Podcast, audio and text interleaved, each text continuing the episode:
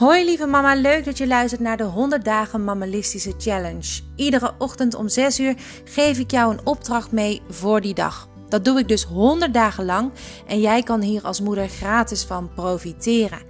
Ik doe dit om jou als moeder kennis te laten maken met het mammalisme. Iedere dag maak je kennis met een klein stukje uit de training die ik voor jou aan het ontwikkelen ben. Hopelijk word jij hier net als ik heel blij van.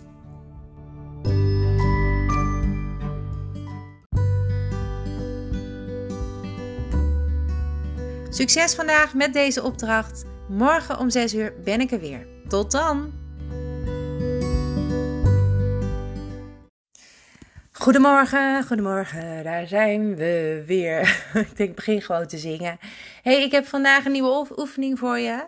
Uh, en dat is tel de stappen die je zet. Dat is een vorm van mindful lopen. Ben je ergens naartoe onderweg? Nou, waarschijnlijk op dit moment niet. Of je hebt je oortjes in en bent lekker aan het wandelen.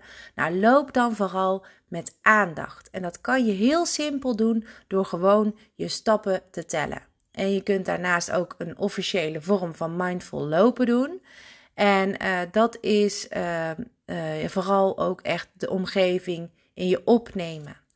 En uh, naast het uh, mindful stappen breng je dan ook echt de aandacht naar je voeten, naar je lichaam, uh, naar de zijkant van je voeten, naar de onderkant. Weet je, dan ga je veel meer in op je complete lichaam en je complete omgeving.